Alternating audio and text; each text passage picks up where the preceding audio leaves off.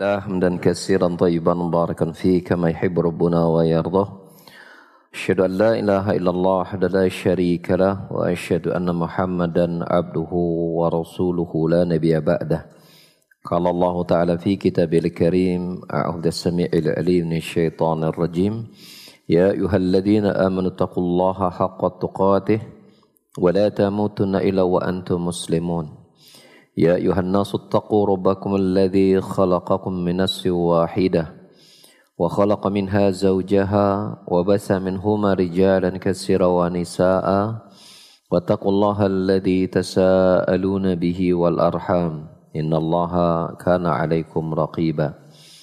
يا أيها الذين آمنوا اتقوا الله وقولوا قولا سديدا يصلح لكم أعمالكم ويغفر لكم ذنوبكم. وما يطع الله ورسوله فقد فاز فوزا عظيما أما بعد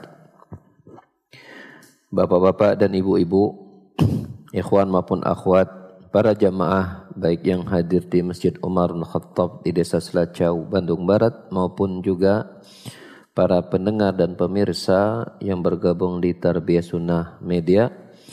Pada kesempatan kajian kita di sore hari ini, kita akan melanjutkan kembali materi kita yaitu mengurai faidah-faidah dalam tafsir surah Al-Baqarah di mana kita sudah mulai memasuki pada ayat yang ke-177 di mana Allah Taala berfirman A'udzubillahi syaitanir rajim.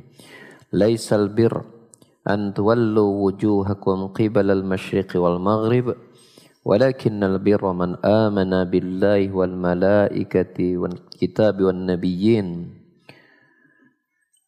إلا من آمن بالله واليوم الآخر والملائكة والكتاب والنبيين وآتى المال حبه ذوي القربى واليتامى والمساكين وابن السبيل والسائلين وفي الرقاب وقام الصلاة وآتى الزكاة wal mawfuna bi adim idza hadu was-samin fil ba's wat tarwahin al ba's ulaika alladziina wa ulaika humul muttaqun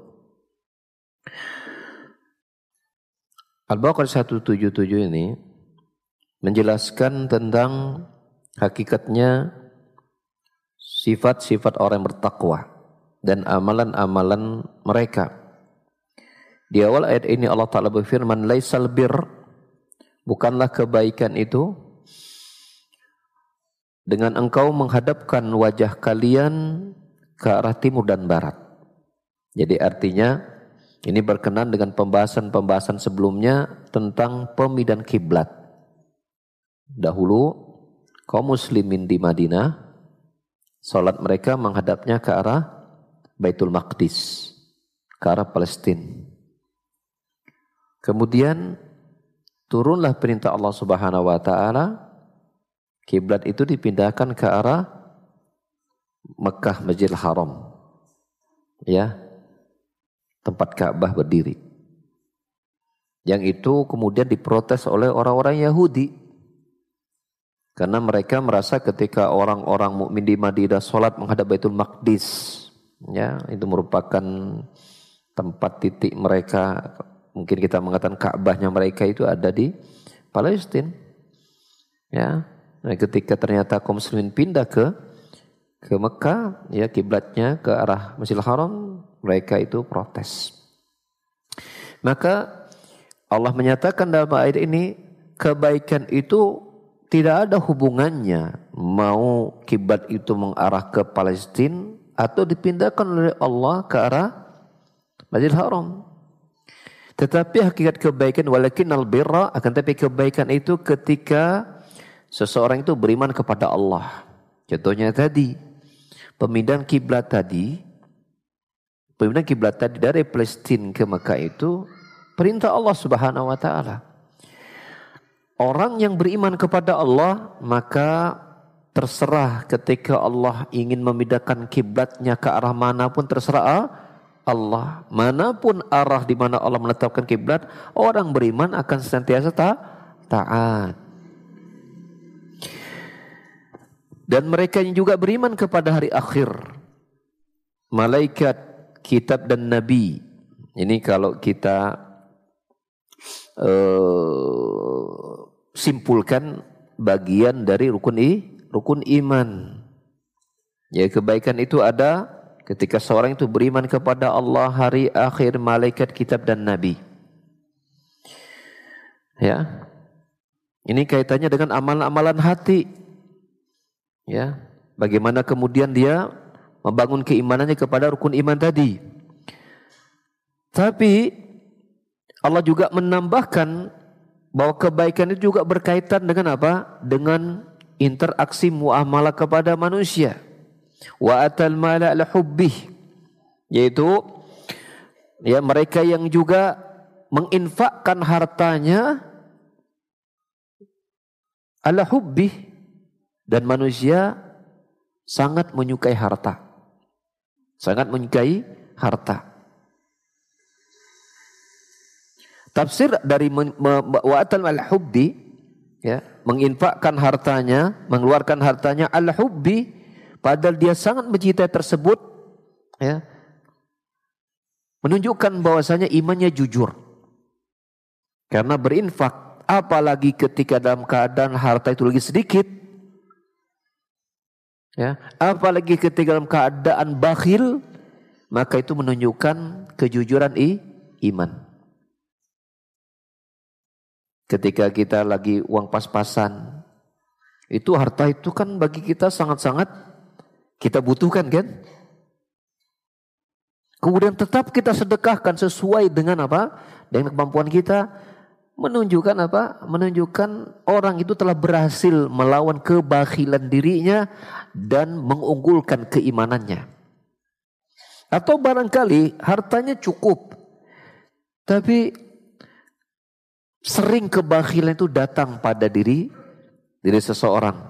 Makin bertambah harta, semakin banyak keinginan pengen ini, pengen itu segala macam. Sehingga bersedekah memberikan itu secara gratis kepada orang lain, ya itu dirasakan berat. Maka orang yang beriman kepada Allah, malaikat, hari akhir kitab dan nabi, mereka pun juga memperhatikan aspek ya, aspek apa? Aspek bagaimana mereka bisa melakukan ibadah-ibadah sosial. Ibadah-ibadah sosial, sosial dengan harta yang Allah berikan kepada dirinya bahkan ketika dia sedang sempit sekalipun. Makanya kita dapati dalam ayat yang lain Allah mensifati orang bertakwa ya sebagai calon-calon penghuni surga di dalam surah Ali Imran misalnya pada ayat yang ke-133 ya ketika Allah berfirman wasari'u ila maghfiratan min rabbikum wa jannatin ardhas samawati wal ardu lil muttaqin alladzina yunfiquna fis sarra'i wad dharra'i wa kadhiminal ghadh wa da'afina 'anil nas wa yuhibbul muhsinin Bersegeralah kalian menuju ampunan Rob kalian dan bersegeralah, bersegeralah menuju surga yang luasnya seluas langit dan bumi yang itu Allah sediakan bagi apa? Bagi orang bertakwa. Siapa mereka? Allah sebutkan pada ayat berikutnya Ali Imran ayat 134-nya alladzina yunfiquna fis sarra wad dharra yaitu mereka yang berinfak baik ketika lapang maupun ketika sempit tetap berinfak. Mungkin muncul pertanyaan bagi kita. Kalau berinfak ketika lapang, ya wajar dong. Tapi kenapa Allah subhanahu wa ta'ala juga sifatkan orang bertakwa itu juga ketika sempit bertak, berinfak. Mengapa? Karena karena lapang dan sempit ya luas dan sedikitnya harta dibeli seseorang itu tidak mengotomatiskan kedermawan itu lahir. Misalnya begini, orang kalau sudah kaya itu otomatis dermawan. Apakah otomatis? Enggak. Syaitan akan datang kepada orang yang diluaskan hartanya untuk tetap berbuat bakhil dan mengatakan kamu tuh ya ya ngumpulin dapatkan kekayaanmu itu enggak main-main, kerja keras, ya, banting tulang. Tiba-tiba setelah engkau kumpulkan, mudahnya engkau berikan kepada orang lain, suruh dia bekerja sebagaimana engkau bekerja. Setan datang agar orang tetap bakhil. Apalagi kepada yang pas-pasan. Ya, uang udah pas-pasan, untuk sendiri juga masih kurang, mau kasih sama orang, sombong amat gitu meren. Gitu kan? Tetap bakhil. Jadi, keluasan harta tidak mengotomatiskan seorang itu mesti dermawan sebagaimana ya keterbatasan harta tidak juga mengotomatiskan orang itu apa? bakhil. Artinya kedermawanan itu kedermawanan itu tidak ada hubungannya dengan harta yang dimiliki besar sedikitnya, tapi ya berkaitan erat dengan apa? lapangnya dada, luasnya hati. Makanya Nabi Shallallahu Alaihi Wasallam bersabda dalam hadis Sahih riwayat Muslim, "Laisal ghina bi kasratil arad, innamal ghina ghinaul qalb." Bukanlah kaya itu, ah, perhatikan. Nabi mendefinisikan kaya perhatikan oleh kita. Bukanlah kaya itu banyaknya harta. Bukan. Kalau kita kan mendefinisikan banyak harta itu kaya. Ya. Hartanya banyak iya, tapi kaya bukan itu. Ya. Akan tetapi kaya itu adalah apa? Hati yang berkecukupan. Hati yang kaya itu hakikatnya kaya. Orang kalau sudah hatinya kaya, punya sedikit harta pun tetap dia bersedekah. Apalagi ketika hartanya bah, banyak. Orang yang hatinya sempit, harta banyak pun tetap bakhil. Apalagi kalau hartanya sedih, sedikit. Jadi kaya itu tidak ada hubungannya dengan apa? Banyak sedikitnya har harta. Di situ kita melihat, menyimpulkan kaya dalam pandangan Islam itu ketika seseorang itu rajin mem, rajin memberi, rajin bersedekah. Orang yang rajin sedekah walaupun sedikit tapi rajin itu orang kaya dalam pandangan Islam. Ya. Sedikit tapi rutin itu orang kaya. Apalagi rutin banyak gitu kan, ah, itu lebih kaya lagi tuh dah. Gitu. Dari sini Allah Subhanahu wa taala kaitkan amal-amal kebaikan itu yang pertama berkaitan dengan imannya kepada Allah, hari akhir kita, malaikat dan nabi. Yang kedua adalah dia rajin bersedekah.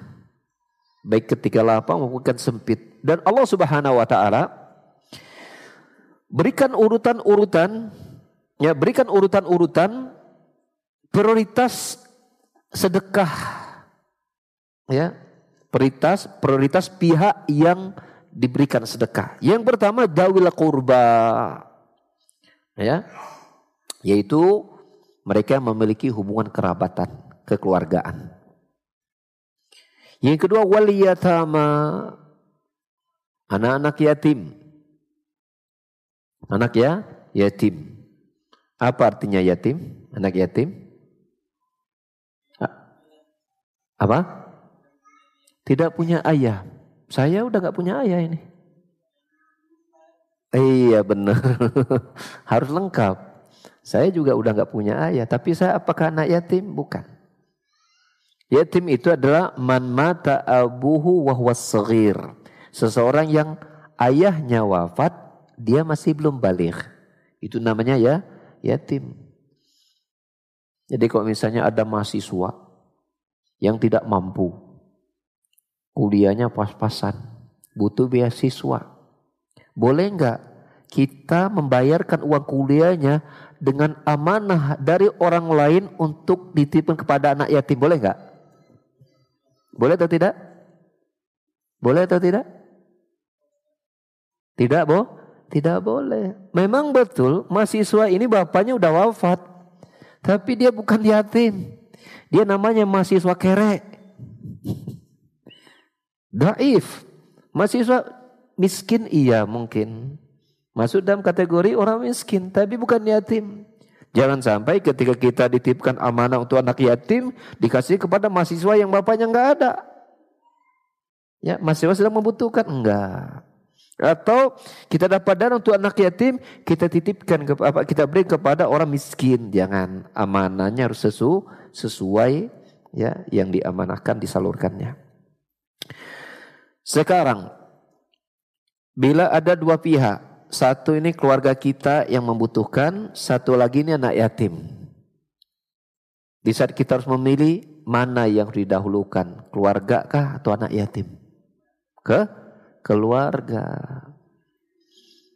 Ini kita harus memiliki skala uh, skema yang tepat memetakan suatu masalah.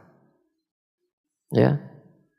Seringkali kita mudah terenyuh ketika bertemu anak-anak yatim, harus dibantu kasihan anak yatim. Tapi sedikit sekali ya Ya, kadang-kadang, tetapi kadang-kadang pada di seseorang ketika di keluarganya butuh bantuan dia cuek. Anak yatim jojoran dikasih. Keluarga yang nggak mampu, bahkan kalau datang ke rumahnya, dia tidak istimewakan. Nah pasti dia erek, erek minjam duit. Padahal mestinya, ya kalau kita lihat Allah Subhanahu Wa Taala memetakan ibadah, keluarga itu harus lebih dahulu sebelum orang lain hatta dia anak yatim. Lain kalau anak yatim juga dia keluarga. Keluarga wah lebih mantap lagi tuh. Kita punya kakak gitu kan. Kakak kita meninggal bapaknya. Kakak kita laki-laki. Ya, meninggal bapaknya, anaknya masih kecil. Nah, itu pahalanya lah gede banget tuh. Ya pahala berinfak dapat saudara, pahala membantu anak yatim dan pahala yang lain. Menyambung pahala menyambung silaturahim juga dapat. Ya, satu kali langkah ada bahasa kita Pepatah kita apa? Sekali mendayung, dua tiga pulau terlampaui. Satu kali ngasih sedekah, pahala memberi sedekah dapat. Pahala menyambut silaturahim dapat. Dapat pahala menyentuh anak yatim dapat. Oh itu luar biasa. Luar biasa, luar biasa. Jadi di sini kita lihat Allah Subhanahu wa taala memberikan prioritas dalam kita bersedekah. Tentu yang terbaik ya semuanya dikasih keluarga kita kasih, anak yakin kita bantu, wal masakin orang miskin juga sama. Ya. Wa sabil. Dan berikutnya adalah orang-orang yang Ibnu Sabil. Ibnu Sabil itu artinya seseorang yang kehabisan bekal dalam perjalanannya, ya, habis bekal dalam perjalanannya. Ada ada kejadian yang lucu. Ya, ada yang mengartikan Ibnu Sabil itu secara bahasa. Ibnu artinya anak, sabil artinya jalan, berarti anak jalanan. ada loh, nah, ini keliru. so, hey, ada yang mengartikan begitu, itu para anak-anak yang ada di jalan itu minta itu Ibnu Sabil itu. Bukan ya, Ibnu Sabil itu artinya seseorang yang kehabisan bekal dalam safarnya. Walaupun tadinya dia orang mampu, kaya, berkecukupan, dengan takdir Allah Subhanahu wa taala ternyata mungkin ya. Di tengah perjalanannya bekalnya mungkin ya hanyut terbawa banjir. Bekal perjalanannya mungkin terbakar atau mungkin dia dirampok. Ya, atau mungkin tercecer, kehilangan banyak eh, sebab seseorang itu ya eh, menjadi tidak punya apa-apa dalam safarnya. Maka ini pun termasuk pihak yang perlu dibantu. Perlu dibantu. Wasailin. Dan orang-orang yang meminta. Sailin meminta ini kita bisa ketahui dari dua sisi. Yang pertama dari sisi gelagatnya dia. Gelagatnya dia ini kelihatannya butuh bantuan. Maka tanpa harus dia meminta, kita bantu. Bentuk yang kedua, dia sengaja datang kepada kita minta bantuan. Ya. Maka ini pun termasuk ya bentuk amalan kebaikan dan ketakwaan. Wa riqabi dan juga kepada budak hamba saya. Ariqab ya. Ini kategorinya tiga kata Syekh Utsaimin. Budak hamba saya ada yang dia itu Abdul Mamluk. Ya, Abdul Mamluk. Yang kedua ada namanya Al-Mukatab. Yang ketiga namanya Al-Usaro. Ya, kategori riqab di sini bisa jadi pertama dia itu betul-betul budak Abdul Mamluk, kemudian kita beli budak itu untuk kita bebaskan. Ini termasuk amalan kebaikan. Yang kedua adalah al-mukatab, yaitu seorang budak hamba saya yang dia sudah membuat perjanjian kepada majikannya bahwa dia akan membayar, menebus dirinya yang akan dia cicil misalnya.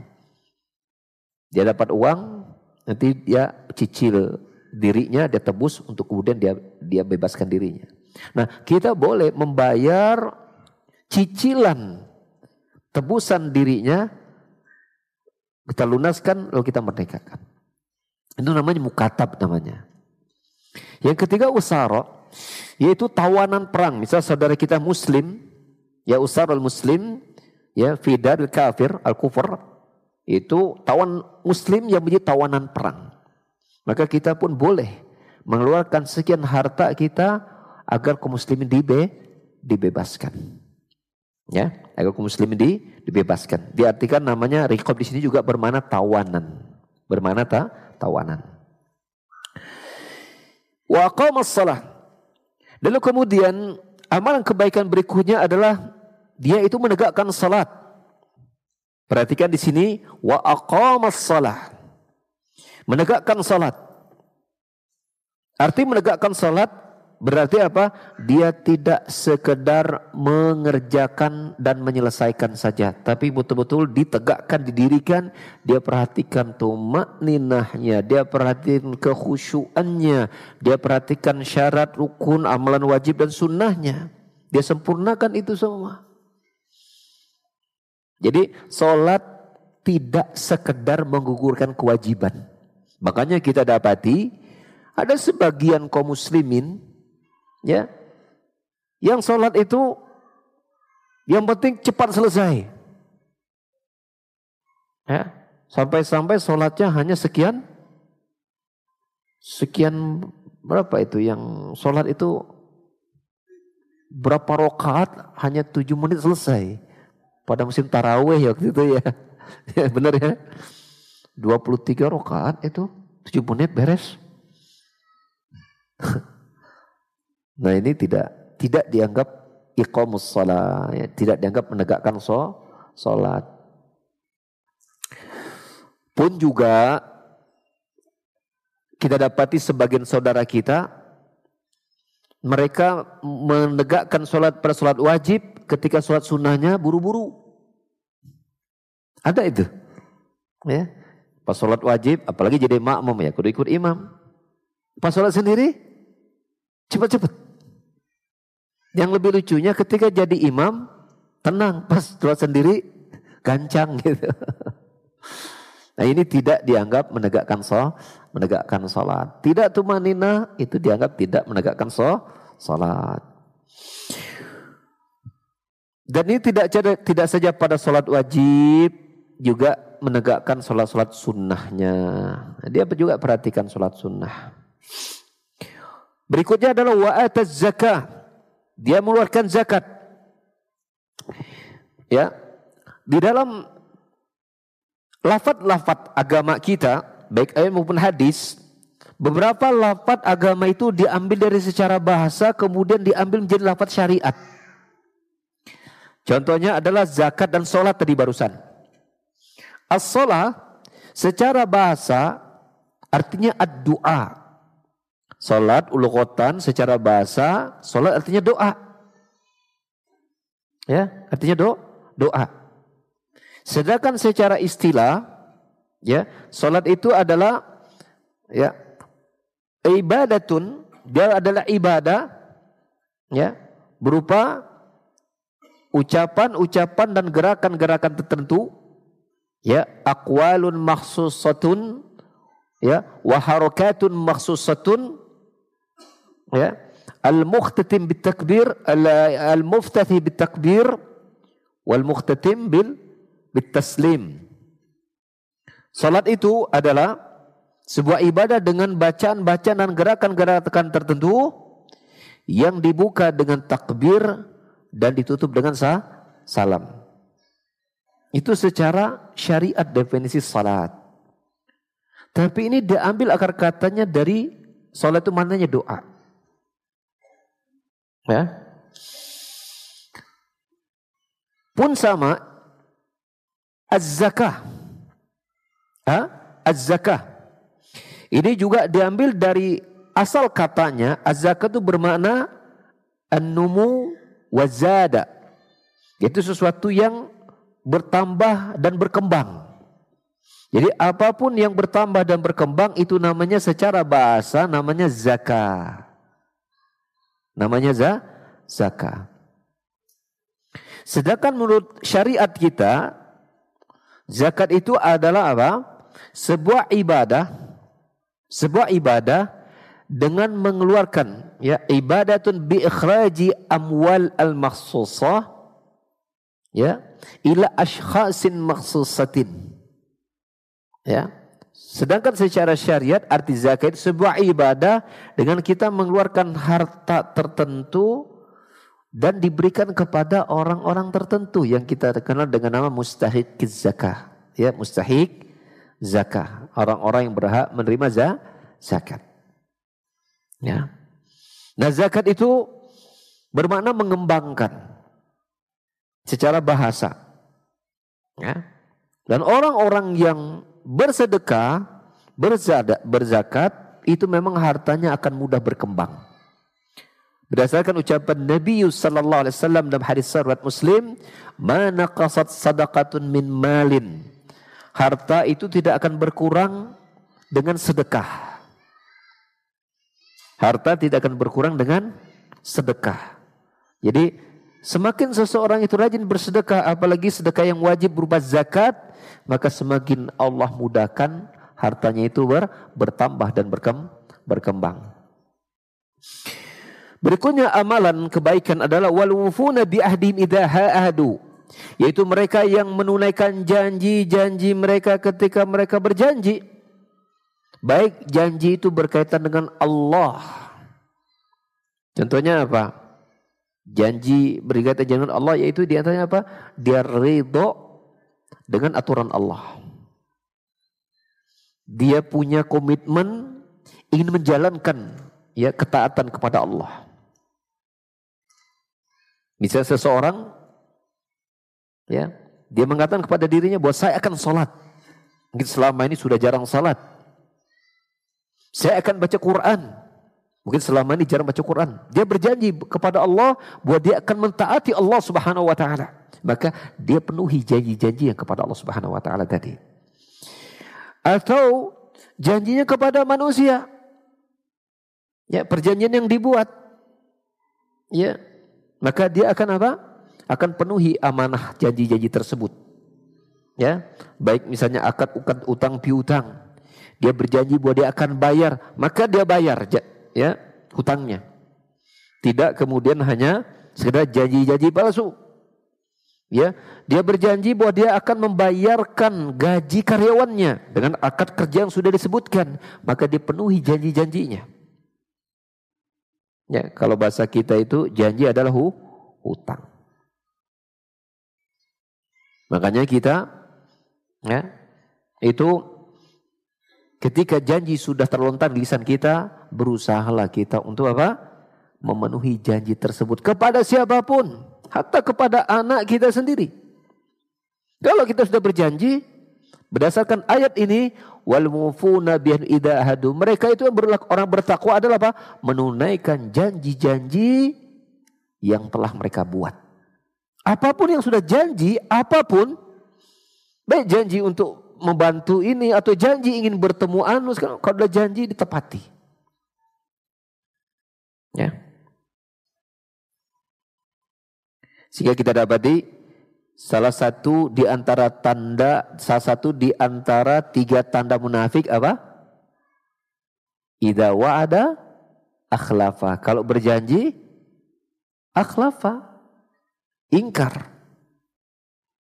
Ing, ingkar. Ya.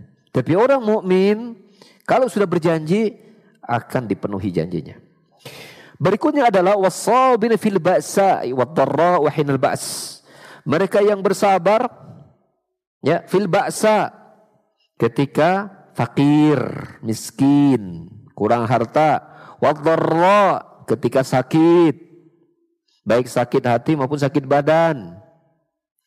Wahinal bas dan bersabar ketika ba's yaitu fil qital ketika berperang menghadapi musuh. Kata Syekh Muhammad bin Sulaiman, ini kesabaran ya bertingkat-tingkat dari yang termudah sampai kepada yang tersusah. Ya. Bersabar ketika kekurangan harta. Ya. Kurang harta, ini kesusahan, butuh sabar. Tapi lebih berat lagi seseorang itu ketika menghadapi sakit. Ya. Sakit pada badannya, sakit pada fisiknya, sakit pada hatinya itu lebih berat. Dia menghadapinya dibanding kekurangan hartanya. Dan lebih berat lagi ketika dia harus terjun di badan perang untuk menyetorkan nyawanya. Mungkin pulang kalaupun hidup dalam keadaan penuh luka ataupun kemudian mati mengantarkan nyawa. Maka ini bertingkat-tingkat kesulitannya. Dan dalam ayat ini pun sekaligus memberikan pembagian sabar. Bahwa sabar itu ada sabar dalam menjalankan ketaatan. Seperti apa? Seperti berperang. Perintah Allah untuk jihad. Wajahidu fi sabilillah, berjihadlah, berperang untuk membela agama Allah. Maka itu menjalankan perintah butuh sabar. Ya. Kemudian sabar ketika meninggalkan maksiat. Ya, pada lafaz fil ba'sa seseorang ketika miskin, kekurangan harta, godaan-godaan untuk berbuat maksiat mudah terjadi. Orang mungkin kalau udah kurang harta, mungkin dia pengen nipu supaya dapat untung banyak. Orang ketika kurang harta, mungkin dia mencuri, mungkin dia korupsi, dan yang lainnya. Ya, semua itu dia tinggalkan karena dia bersabar dengan kemiskinan yang ada pada dirinya. Bersabar dari berbuat maksiat. Yang ketiga adalah sabar, ya, fi ihtimali al-masaib al-mu'dhiyah atau alimah. Yaitu bersabar menanggung derita ya yang sakit.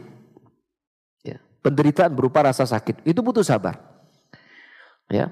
Maka di sini para ulama menyebutkan bahwa sabar terbagi menjadi tiga itu ada pada ayat ini sabar dalam menjalankan ketaatan itu ketika perintah berperang bela agama Allah. Sabar dan meninggalkan maksiat ketika dia diberikan musibah kemiskinan, dia tidak berbuat dolim kepada orang lain, menipu, mencuri, korupsi dan yang lainnya. Ya, dia sabar dia berbuat yang Allah haramkan. Yang ketiga sabar atas musibah berupa ditimpa rasa sakit, mungkin demam, mungkin ini dan itu segala macam. Ya, mungkin luka, uh, karena luka dan yang lainnya. Dia bersabar. Maka kata Allah Subhanahu wa taala menutup amalan-amalan tadi mulai dari rukun iman. Ya, iman kepada Allah, malaikat hari akhir, malaikat kitab dan nabi. Mulai dari apa? Rajin berinfak, ya, bersedekah kepada keluarga, yatim, orang miskin, inusabil, ya, dan kepada orang apa? Dan kepada orang yang meminta serta membantu membebaskan budak hamba saya, ya, salat, bayar zakat, memenuhi janji, kemudian bersabar pada tiga jenis sabar tadi, apa kata Allah? Mereka itulah orang-orang yang jujur. Mengapa jujur? Karena apa? Mereka telah menunjukkan bukti jujurnya iman mereka kepada Allah dengan amalan-amalan tadi. Mulai dari iman kepada Allah sampai kepada amalan-amalan hati dan sosialnya. Ya. Zakat itu amalan hati. Ya. Seorang itu bisa melawan, membunuh kebakhilannya dengan dia rajin berzakat dan bersedekah seterusnya. Ya. Dia jujur kepada Allah.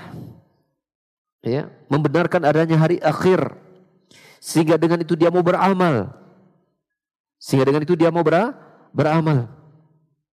Wa ulaika dan mereka itulah orang-orang yang bertakwa. Lihat oleh kita Bapak Ibu sekalian para jemaah sekalian, Allah Subhanahu wa taala mendahulukan alladzi ulaika alladzina sadaqu wa ilaukal muttaqun. Mereka itulah orang yang jujur dan mereka itulah bertakwa. Ya.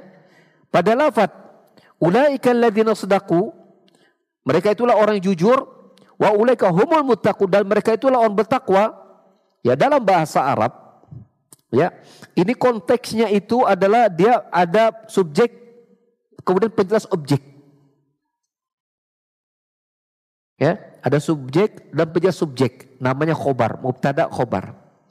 Ulaika alladzina sodaku, ulaika ini mubtada subjek. Alladzina sodaku ini ya penjelas subjeknya. Begitu juga ulaika humul muttaqun, ulaika ini subjeknya, muttaqun ini adalah penjelas subjeknya.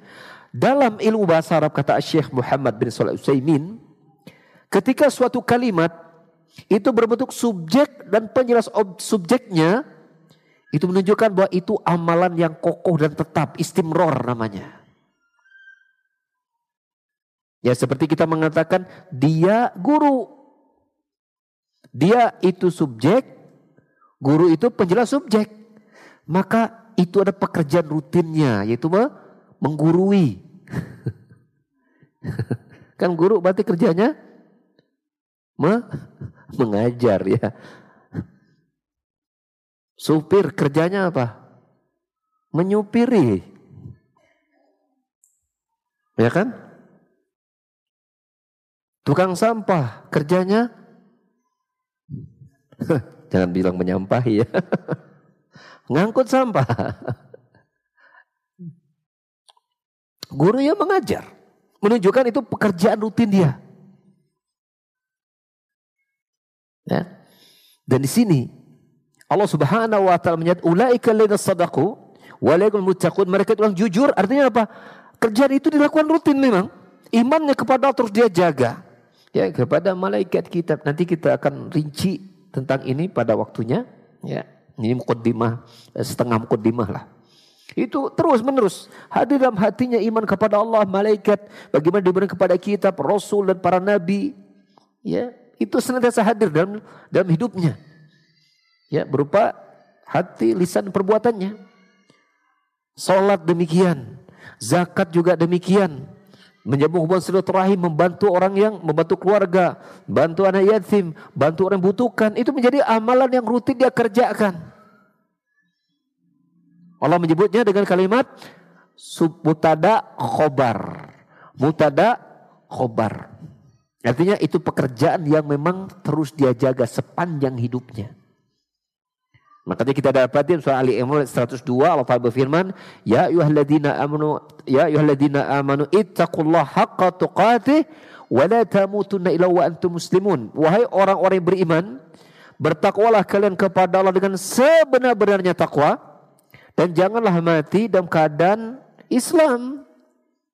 Berserah diri kepada Allah. Artinya bertakwanya itu Dikatakan bertakwa yang sesungguhnya ketika ketakwaan itu bertahan sampai mati.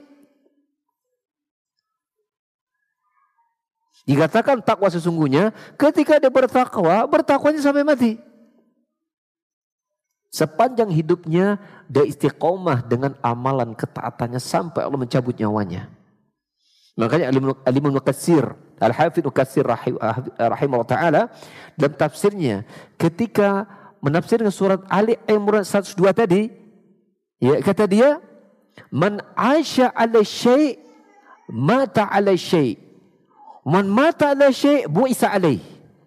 Barang siapa hidup dalam kebiasaan sesuatu, maka dia akan dimatikan dalam kebiasaannya. Dan barang siapa mati dalam kebiasaannya, dia akan dibangkitkan dalam ke kebaik kebiasaannya tadi. Jadi orang yang senantiasa menjaga salat, menjaga saum, menjaga sedekah, menjaga zikir, menjaga kiraatul Quran, insya Allah matinya dalam amalan-amalan yang dia rutinkan tadi. Orang yang selama hidupnya rajin ke masjid, insya Allah matinya di masjid, insya Allah Ta'ala. Orang setiap harinya rajin zikir, insya Allah meninggal dalam keadaan berzikir. Orang yang dalam hari terus baca Quran, insya Allah meninggal dalam keadaan dia membaca Quran. Insya Allah. Ya. Ini yang kita kenal dengan nama apa? Istiqomah sampai mati. Bertakwa sampai akhir hayat. Dan ini ada dalam konteks ayat yang kita sebutkan tadi. Ya, dalam Al-Baqarah 177 dengan amalan yang tentu sangat banyak tadi ya tapi itu dijaga semua. Itu semuanya dijaga. Ya. Dan semua amalan-amalan dalam agama kita semuanya mudah. Ad-dinu yusrun. Agama ini mu mudah. Yang susah itu yang susah itu memulainya. Benar enggak? Kalau dari sisi kerjaannya mudah. Memulainya itu loh. Yang apa? Syaitan bekerja dengan hawa nafsunya Jangan sampai amalan kebaikan itu dilaksanakan. Kalau sudah dilaksanakan mudah. Coba, ada nggak di dalam agama kita sebutkan satu amalan saja yang amalan itu dapat membuat tulang kita jadi patah? Ada? Nggak ada. Yang membuat mata kita jadi buta, telinga kita jadi tuli, hidung tidak bisa mencium, mulut tidak bisa berbicara, kepala jadi pusung tujuh keliling, kaki tidak bisa berjalan, perut menjadi sakit perut. Enggak ada. Sebutkan satu saja, amalan dalam agama kita yang itu membuat kita binasa. Jawabannya enggak ada. Hatta yang katanya puasa sebulan, ya, itu bulan Ramadan tuh, itu ditunggu oleh kaum muslimin loh bahkan oleh anak kecil yang dia tidak tahu apa hikmah hikmah puasa kan coba tanya anak kecil ya yang sudah SD gitu atau mungkin TK dia tanya ini lu Ramadan ntar lagi mau tiba seneng nggak? Oh seneng padahal dia tahu dia harus berlapar-lapar berhaus-haus ya Wong anak kecil saja itu merindukan datangnya Ramadan apalagi orang dewasa menunjukkan kepada kita tidak ada satu amalan pun dalam agama kita itu yang menyulitkan gak ada. Yang sulit itu apa? Memulainya. Kalau sisi amalannya enggak, enggak ada yang susah. Ya enggak ada yang su susah. Ya. Dan yang membuat susah itu ya kita sendiri sama ya setan ya ingin membuat seolah amalan itu menjadi sesuatu yang yang berat dan sulit untuk di, dikerjakan. Dari ayat tadi kita sebutkan beberapa faidah. Ya tentu tidak akan kita selesaikan faedah-faedah tersebut karena saking banyaknya faedah-faedah tadi ya tapi kita akan sampaikan seiring waktu secukupnya waktu yang tersedia insyaallah taala. Faedah yang pertama kata Syekh Muhammad bin Shalih Al Utsaimin yaitu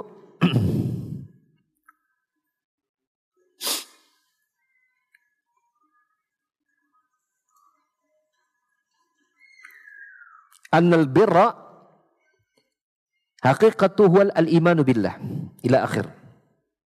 Sesungguhnya hakikat kebaikan itu yaitu tadi disebutkan oleh iman kepada Allah dan amalan yang kita sebutkan tadi ya. Yang pertama tentang iman kepada Allah. Ini sama Syekh Muhammad Saimin diperdalam apa arti iman kepada Allah yang itu merupakan rangkaian kebaikan. Al-imanu billahi yatadamun arba'ata umur. Iman kepada Allah itu mengandung empat perkara. empat perkara ini antum jangan tanyakan dalil. Adakah ayat maupun hadis yang menyebutkan bahwa al-imanu billahi arba'ata umur. Bahwa Nabi bersabda atau Allah berfirman iman itu empat perkara. Jawabannya tidak ada secara letter lekis. Ya, tetapi ada berdasarkan istiqra para ulama ketika meneri, mereka meneliti ayat dan hadis, ketika membicarakan tentang Allah Subhanahu wa taala, maka itu harus ada pada empat perkara.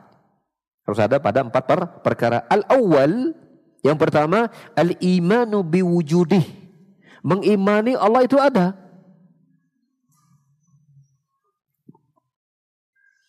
Yang kedua, dan insya Allah antum berikutnya 2, 3, 4 antum sudah paham. Yang kedua mengimani rububiyah Allah. Yang ketiga mengimani uluhiyah Allah. Yang keempat mengimani nama-nama dan sifatnya.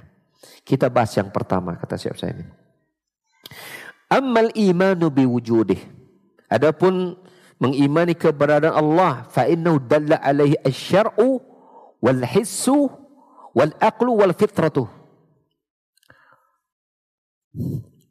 Adapun beriman kepada wujudnya Allah Subhanahu wa taala maka ini ditunjukkan oleh tiga tiga perkara. Ya, ditunjukkan berdasarkan syariat, bertunjukkan berdasarkan hissi yaitu indrawi. Yang ketiga ditunjukkan berdasarkan akal. Yang keempat maaf, ya ada empat berdasarkan fitrah. Berdasarkan fitrah. Adapun dilalatu syar'i ala wujudi subhanahu wa ta'ala wadihatun min irsali rusul wa inzal kutub. Adapun dalil secara syar'i bahwa Allah itu ada itu jelas. Kapan? Ketika Allah mengutus Rasul menurunkan kitab. Makanya disebutnya Rasul Allah. Berarti Allahnya ada enggak? Ada. Disebutnya kitabullah, kitabnya Allah. Berarti Allah ada atau tidak? Ada. Ini dilalah secara syar'i. Sedangkan didalah, dilalah itu maksud penunjukan secara hissi, secara indrawi, ya. Fa inna subhanahu wa yujib. Yaitu bahasanya Allah subhanahu wa ta'ala wa ta'ala itu dia dimintai dan ternyata menjawab. Ketika diminta dan memberi menunjukkan dia ada. Ya.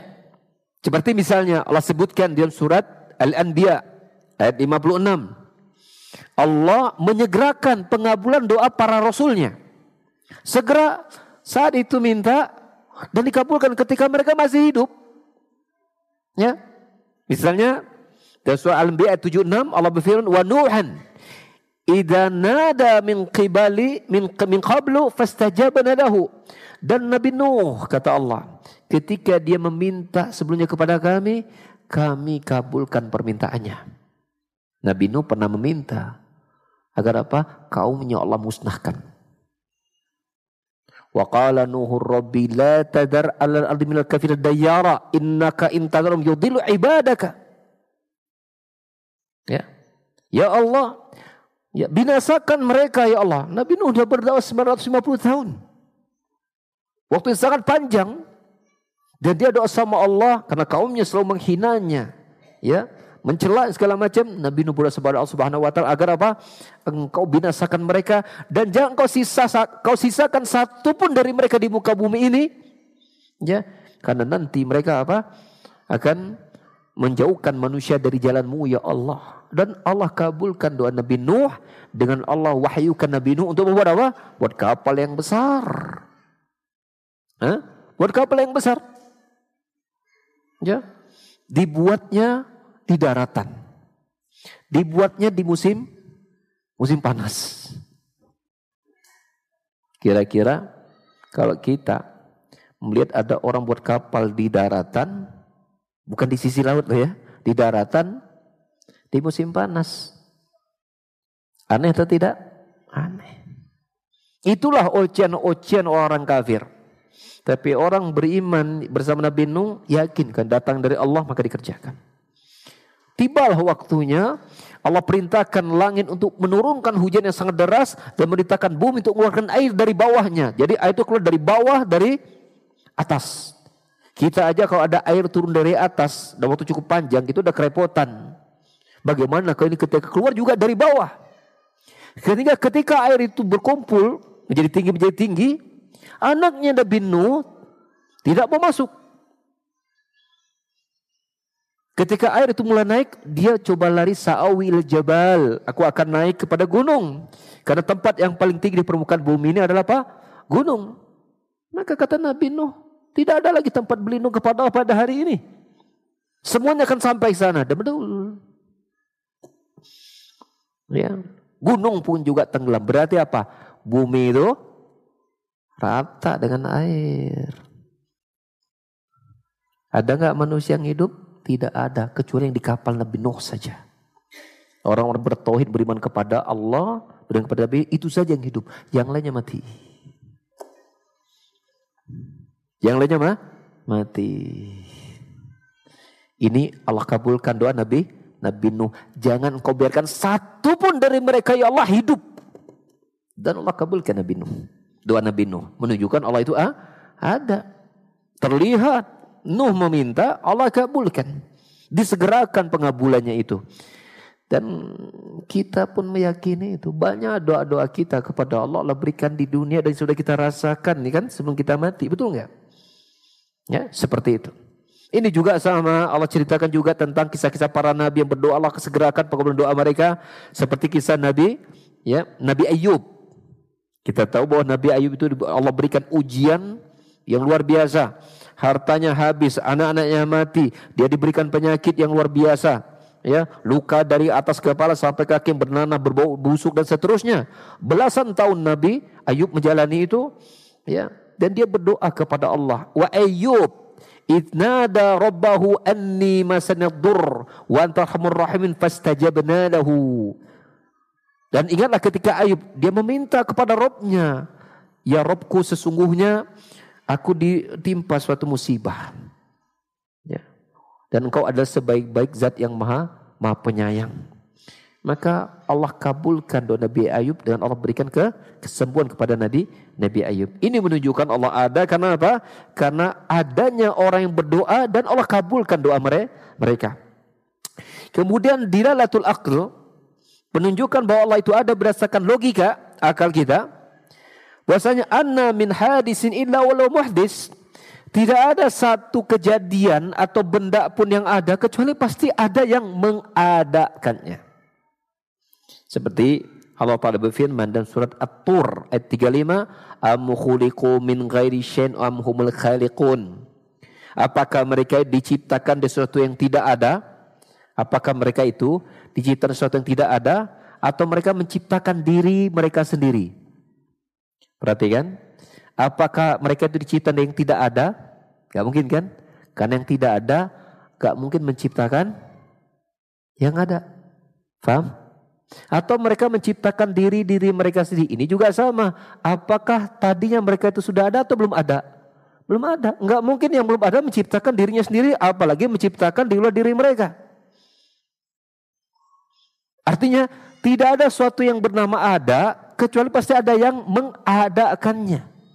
Itu menurut logika. Ya, kita pernah dapatkan keterangan tentang teori Big Bang. Ledakan galaksi, kemudian ketika itu meledak menjadi susunan tata surya.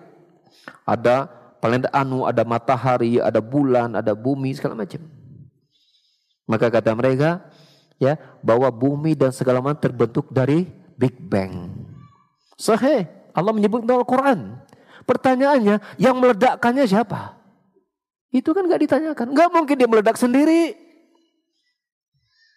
Sebab ketika meledak itu dia pasti harus ada bahan-bahan ledak, benar nggak? Ketika itu meledak pasti harus ada bahan yang diledakkan dulu, benar nggak? Yang mengadakan meledakannya siapa? Pasti ada. Itu tidak ditanyakan oleh mereka.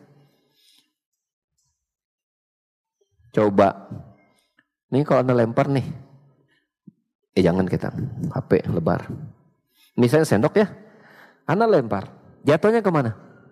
Ke bawah. Kenapa jatuhnya ke bawah? Enggak ke atas.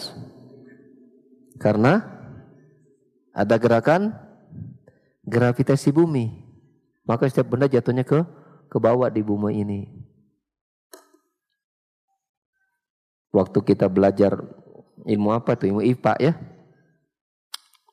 Jawabannya begitu. Tapi jarang dijelaskan. Lah gravitasi bumi sendiri, yaitu gravitasi itu kan bumi kayaknya ke bawah ngejedot gitu ya. Tidak ditanyakan gravitasi bumi munculnya dari mana. Pasti ada dong. Kalau ini jatuh ke bawah karena gravitasi bumi harus ditanyakan lagi dong mestinya. Lo gravitasi bumi ada, gaya gravitasi, gravitasi bumi itu ada, yang membuat gaya itu ada siapa? Dan bagaimana gaya itu terjadi? Oh karena ada anu, anu tanyakan lagi yang anu itu adanya dari mana? Tanyakan lagi. Karena nggak mungkin sesuatu yang ada itu terjadi dengan sendirinya. Allah mengatakan amhuliqu min ghairi khaliqun. Apakah mereka itu diciptakan sesuatu yang tidak ataukah mereka menciptakan diri mereka sendiri? Jawabannya nggak mungkin. Karena apa? Namanya makhluk tadinya tidak ada. Maka dia tidak mungkin satu yang tidak ada kemudian menciptakan dirinya sendiri yang tadinya tidak ada. Apalagi dia menciptakan selain dirinya. Ini logika. akal. Menunjukkan bahwa mesti ada yang menciptakan yang azali yang pertama kali ada dan menciptakan itu. Yaitu Allah Subhanahu wa taala. Yang terakhir, dilalatul fitrah, penunjukan secara fitrah manusia. Final insana law turika uh, law turik wa, wa fatrathu lakana minan billah. Seseorang itu kalau seandainya dia dibiarkan sendiri tidak berhubungan manusia ya maka fitrahnya mesti dia beriman kepada Allah. Dalilnya Allah Ta'ala berfirman dalam surat Al-Isra ayat 44 Tusabbihu lahu samawatu sabu wal ardu wa man fihinna wa in min syai'in la yusabbihu bihamdi walakin la tafqahuna tasbihahum Bertasbih kepada Allah langit yang tujuh bumi yang ya dan bumi dan semua yang ada di dalamnya itu bertasbih kepada Allah dan tidak ada sesuatu pun perhatikan wa in min illa yusabbihu bihamdi tidak ada satupun kecuali semuanya bertasbih memuji Allah, tapi kalian tidak mengetahui tasbihnya mereka. Sendok ini bertasbih kepada Allah. Bunga, meja, ya HP, dinding, jam, lampu, genteng, kayu, bunga, mobil, ah, banyak. Kata Allah, wa in min syai'in la yusabbihu. Ya, bihamdih. Walakin la taqun tasbihum. Tidak ada sesuatu pun kecuali semuanya bertasbih kepada Allah, memujinya, tapi kalian tidak mengalami tasbihnya mereka. Ya. Ya. Jadi artinya begini. Kalau selain manusia saja kata Allah itu bertasbih memuji Allah sebagai penciptanya. Sebagai penciptanya. Apalagi kita. Betul nggak? Allah mengatakan semuanya bertasbih memuji Allah. Menunjukkan Allah itu ada. Cuman kita itu tidak mengetahui tasbihnya mereka. Beberapa pernah Allah ya Pak e, pernah tampakkan kepada Muhammad sallallahu alaihi wasallam ya bertasbih beberapa benda. Ya, dengan izin Allah beberapa benda beberapa benda itu bisa berbicara seperti kolam, pena, ya. Awaluma khalaqallahu al-qalam, ya. Makhluk pertama yang Allah ciptakan itu adalah bernama al-qalam itu pena. Maka Allah berkata kepada sang pena dan Allah izinkan pena itu bisa berbicara. Uktub, tulis. Si penanya nanya, ma'aktub, apa yang harus aku tulis? Ngomong nggak penanya? Ngomong. Maka Allah berkata, "Uktub maqadira kulli syai' hatta an taqumas sa'ah." Catat takdir segala sesuatu sampai tibanya hari kiamat. Maka sang pena pun mencatat. Oh, kejadian sampai kiamat yang kita kenal itu dikumpulkan namanya Al-Lauhu Ahmahfud. Kita bernama Al-Lauhu Al-Mahfud. Takdir di 50 ribu tahun semua Allah menciptakan langit dan bumi, apalagi kita, itu takdir sampai hari kiamat sudah sudah tertulis. Kita, badan kita di dunia, surga nerakanya kita sudah tertulis dalam kitab tersebut. Ya. Di antara tanda hari kiamat, nanti kaum muslimin akan memerangi kaum Yahudi. Dan mereka berlarian, bersembunyi di balik pohon, bersembunyi di balik batu. Itu tidaklah pohon, dan batu yang mereka bersembunyi kecuali mereka akan berbicara. Bertiap memanggil kaum muslimin, "Ya muslim, hadal kafir uktul, wahai muslim, tah di dia tah orang kafir, tah dia bunuh dia." Ngomong itu setiap pohon, setiap batu illa sajaratul qarqad kecuali pohon kor. Nah, itu cicing teteh. Tidak ngomong. Selain itu, kalau sembunyi di mana pun mesti ketahuan karena setiap batu Pohon tempat mereka bersembunyi itu akan bisa berbicara dengan Allah mengizinkan mereka untuk berbi berbicara. Itu berapa tanda sudah Allah tunjukkan kepada kita, ya. Tentu dan kita imani itu bisa berbicara, ya. Apalagi bertasbih kepada Allah Subhanahu wa taala.